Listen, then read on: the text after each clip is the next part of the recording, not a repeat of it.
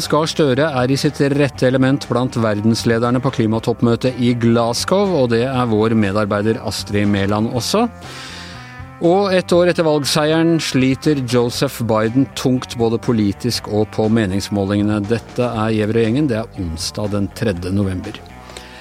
Ja, uh, Astrid Mæland. Altså, uh, Jonas Gahr Støre har hatt noen, jeg vil ikke si tunge år, men noen utfordrende år som, eh, som siden han gikk av som utenriksminister, var han helseminister uh, noen år. Så har han da vært opposisjonsleder i fire år og måttet prøve seg på en rekke ting som han ikke nødvendigvis var trent i fra før av. Men nå, som statsminister for Norge på Eh, klimatoppmøtet i Glasgow, da det er hans eh, sjarmøretappe? det ser i hvert fall slik ut at han trives eh, kjempegodt her. Han er på hils med Joe Biden, John Kerry, eh, alle slags statsledere. Han har snakka med Indias statsminister Modi, han har selvfølgelig hilsa på Boris Johnson, han har vært på mottagelse med ja, prins Charles og hele, hele verdenseliten. Og alle disse kjenner han fra før av, eller? Ja, de, de liker i hvert fall å si at de kjenner folk, de her topplederne. Det er sånn de holder på. Så han har jeg møtt før, han kjenner jeg, han har jeg møtt før. Det er vanlig å høre. Jeg vet ikke, det er en del som har møttes eh, digitalt, tror jeg, og nå møttes de første gangen her, her på, på, Koppen. da. Men det er jo ikke bare han som spiser kirsebær med de store. Du var, uh, du var ute med Leonardo DiCaprio i går, var det sånn? ut med han. Altså eh, I innledninga så sa du at jeg var i mitt rette element, men det er jeg absolutt ikke. Jeg, har, jeg føler meg fullstendig lost på denne eh, klimakonferansen. Det er 30 000 folk her, og det er som å være i et digert kjøpesenter der det ikke er plass til å sitte noe sted. Det er fullt, det er kø for å kjøpe seg alt mulig rart. Jeg står og spiser lunsjen min, men, men Støre han er, han er helt eh, kul, altså. Og Leonardo han kom eh, gående forbi Bellona sin stand her i går. Og da sprang alle sammen etter, og jeg sprang jo selvfølgelig etter, jeg òg. Og jeg klarte å ta et bilde av bakhuet hans, mens, mens de mer trente paparazziene de fikk selvfølgelig et bilde av ham. Ja. Løp Bellona Fredrik Haugasson etter Leonardo DiCaprio også, eller? Uh, en av de beste kjendisspotterne jobba i Bellona. Ikke Fredrik, men en annen jente. Så hun fikk et kjempebra bilde av Leonardo DiCaprio, som faktisk havna på forsida av VG. Så det er bedre journalister de enn uh, hvert fall med, da.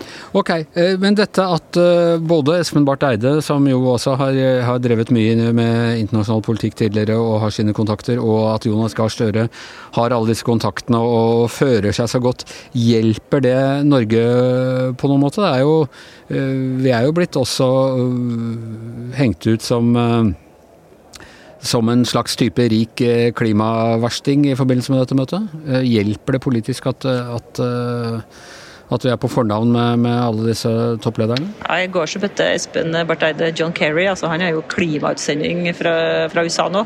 Og han bare yeah, yeah, I knew Espen very, I know him very well. I knew him since he did Cyprus. så de snakka så rart her.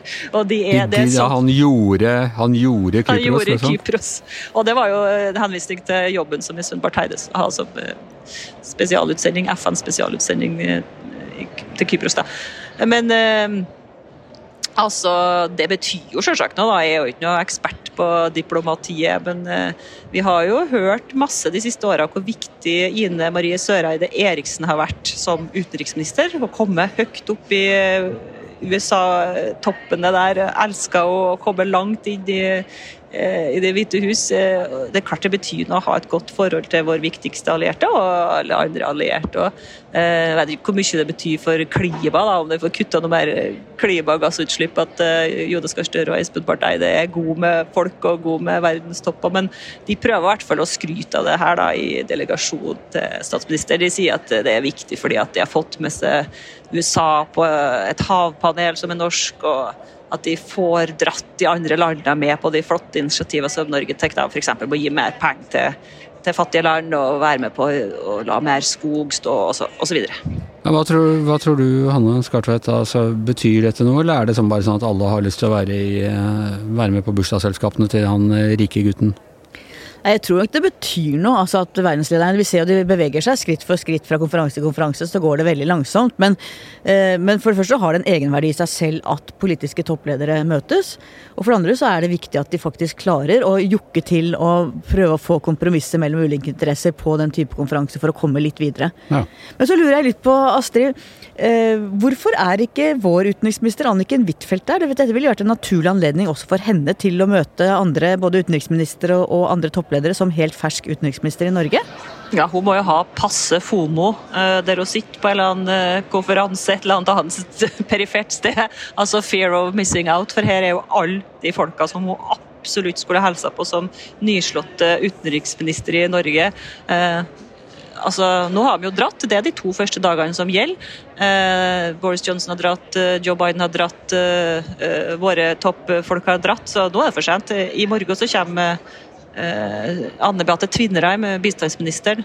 Eh, og på slutten så kommer jo alt sammen tilbake, da, så da bør Anniken Huitfeldt prøve å få skaffa seg en akkreditering og komme hun, men jeg vet ikke hva slags planer de har i, i regjeringa for det. da. Per Olav, du ville si noe? Jeg tror det er en tradisjon for dette. Jeg har vært med på et par sånne klimatoppmøter før. og det er vel eh, statsminister, og så er det den som da har klima um, i sin portefølje, minister, som uh, er til stede på de møtene der. Jeg tror ikke jeg kan huske at utenriksministre har vært der før. Men når det er sagt, så jeg tror, i forhold til den diskusjonen vi har her, så tenker jeg at det med den type erfaring og personlige kontakter og kunnskaper er ganske viktig sånn det, i det internasjonale diplomatiet.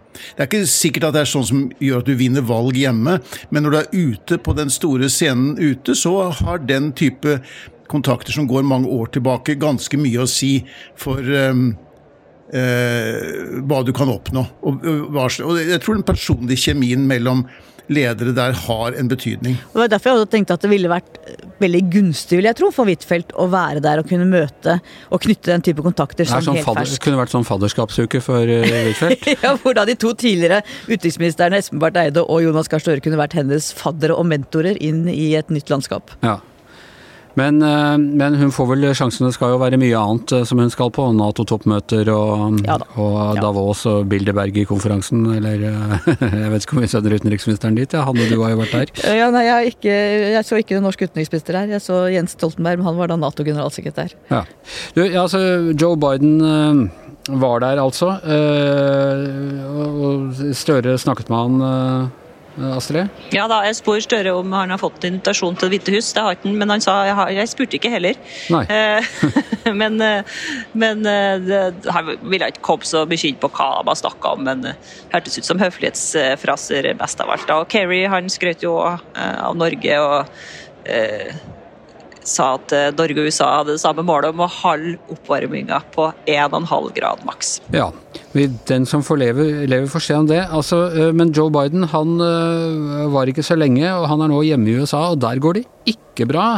Per Olav, det er øh, ett år siden hans overbevisende valgseier nå. En av de mest grundig opptalte valgseiere i noe demokrati noensinne. Han vant altså med rundt 10 av stemmene. Tiltrådte på et som alle presidenter som tiltrår, eh, på et temmelig høyt nivå. Eh, har ligget bra utover våren, og så er hvetebrødsdagene over, og da har han sunket mer enn de fleste presidenter pleier å, å synke eh, så raskt. Han er, han er nesten, eller han er et stykke fra, men han nærmer seg ned mot sånn Trump-nivå på popularitetsmålingene. Ja, jeg tror det vært, må ha vært ganske fint for Biden å ha hatt noen dager utenfor USA, altså både i Roma og i Glasgow. Det har da da han fått lov til å være innta rollen som en slags sånn internasjonal statsmann og si at Amerika er tilbake og nå er vi aktive deltakere sånn som vi, sånn som vi tidligere har vært, og liksom beklager at det var et lite feil Det var ikke bare så lite, men det var et stort feilskjær under Trump, men nå er vi tilbake. Men når du ser det som skjer på hjemmebane, så er det jo all grunn til å trekke det i tvil, da. Fordi eh, stemningen har jo vendt seg, som du sier, mot Biden.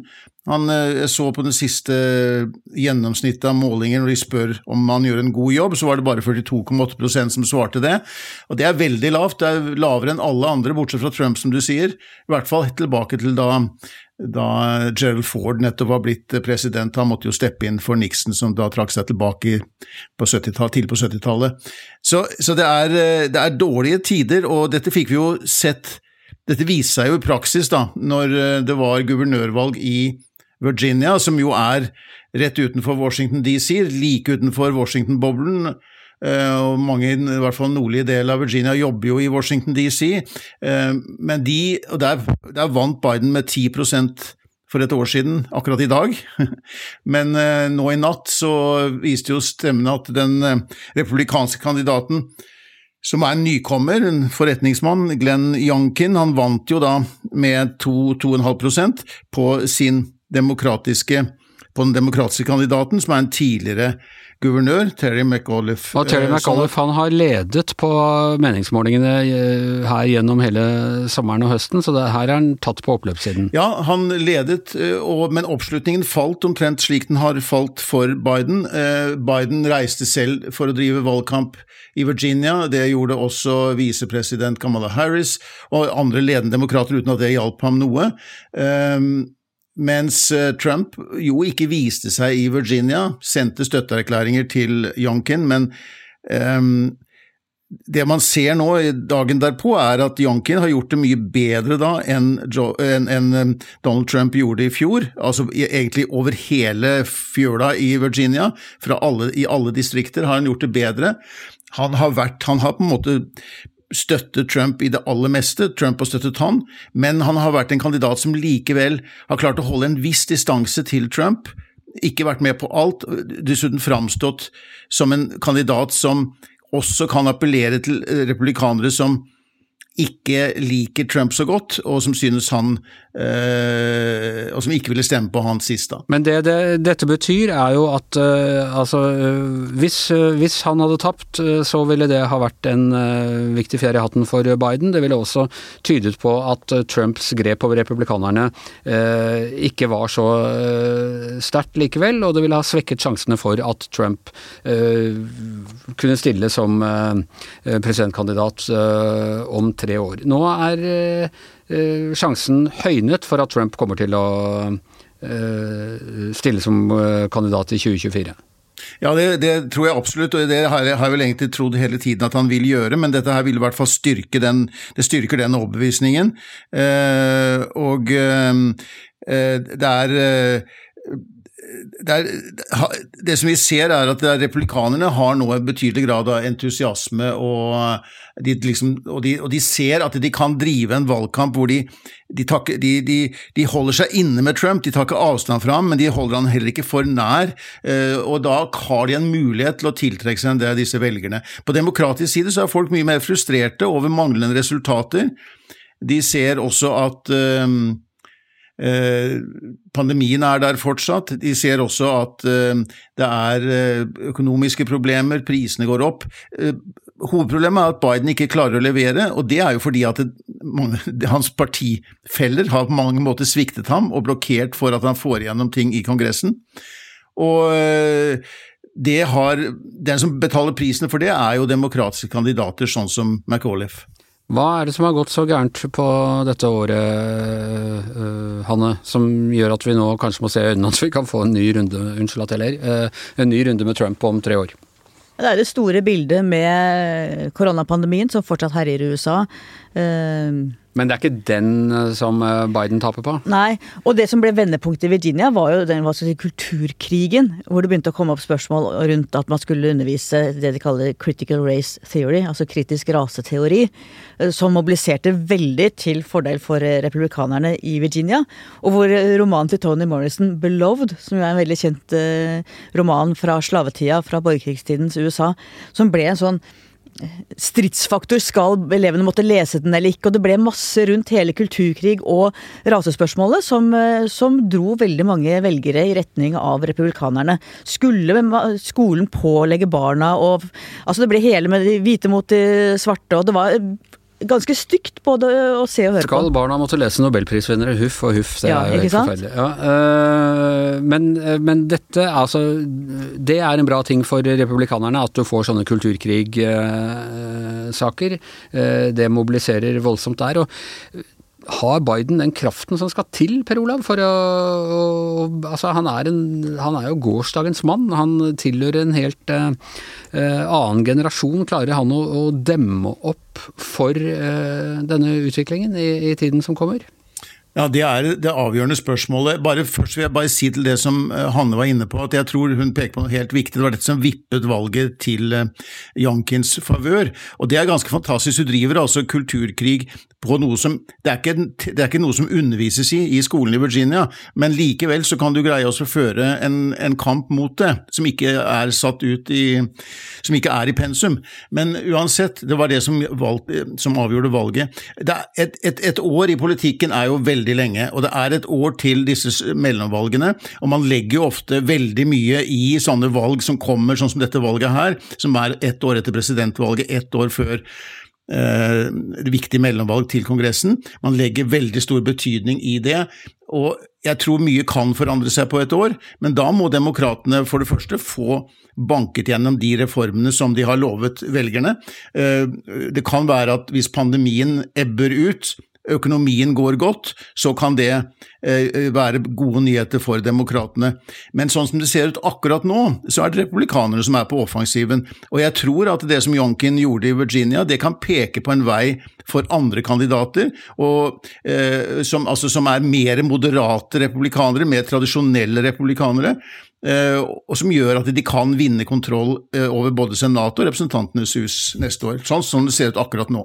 Eh, saken er vel den at Biden var den eneste som var i stand, tror jeg, til å slå Trump. Samtidig som han kanskje er den som ikke klarer å holde fortet fordi han er for gammel og for svak til å, å styre de fire årene på en måte som gjør at de blir gjenvalgt. Det, så det blir jo eh, spennende. Det blir ikke minst spennende når altså øh, øh, Til neste år er det er det da øh, ja, eh, kongressvalg. Og etter det så, så begynner jo folk å sine, erklære sine eh, kandidaturer. Altså, man sier jo det at det er eh, en presidentperiode er to år med styring, altså to år med, med eh, med eventuelt gjenvalgskampanje. Helt kort til slutt, Per Olav og Hanne. Tror dere at Biden kommer til å stille for en ny periode? Jeg tror ikke det. Nei. Jeg tror han er for gammel, men jeg vet ikke. Hva tror du, Per Olav? Jeg tror at han nå tenker at han kommer til å stille. Jeg tror han vil stille. Ja. Og det blir jo, det, Kongressvalget til neste år vil jo selvfølgelig også bli, bli avgjørende for det. Ok, eh, det var det vi rakk fra, fra Giæver og gjengen i dag. Her i eh, studio Hanne Skartveit, jeg heter Anders Giæver. På link Per Olav eh, Ødegård og Astrid Mæland, som altså befinner seg på klimatoppmøtet i Glasgow. Og vår produsent som vinner alle gjenvalg på walkover, er som vanlig Magne Antonsen.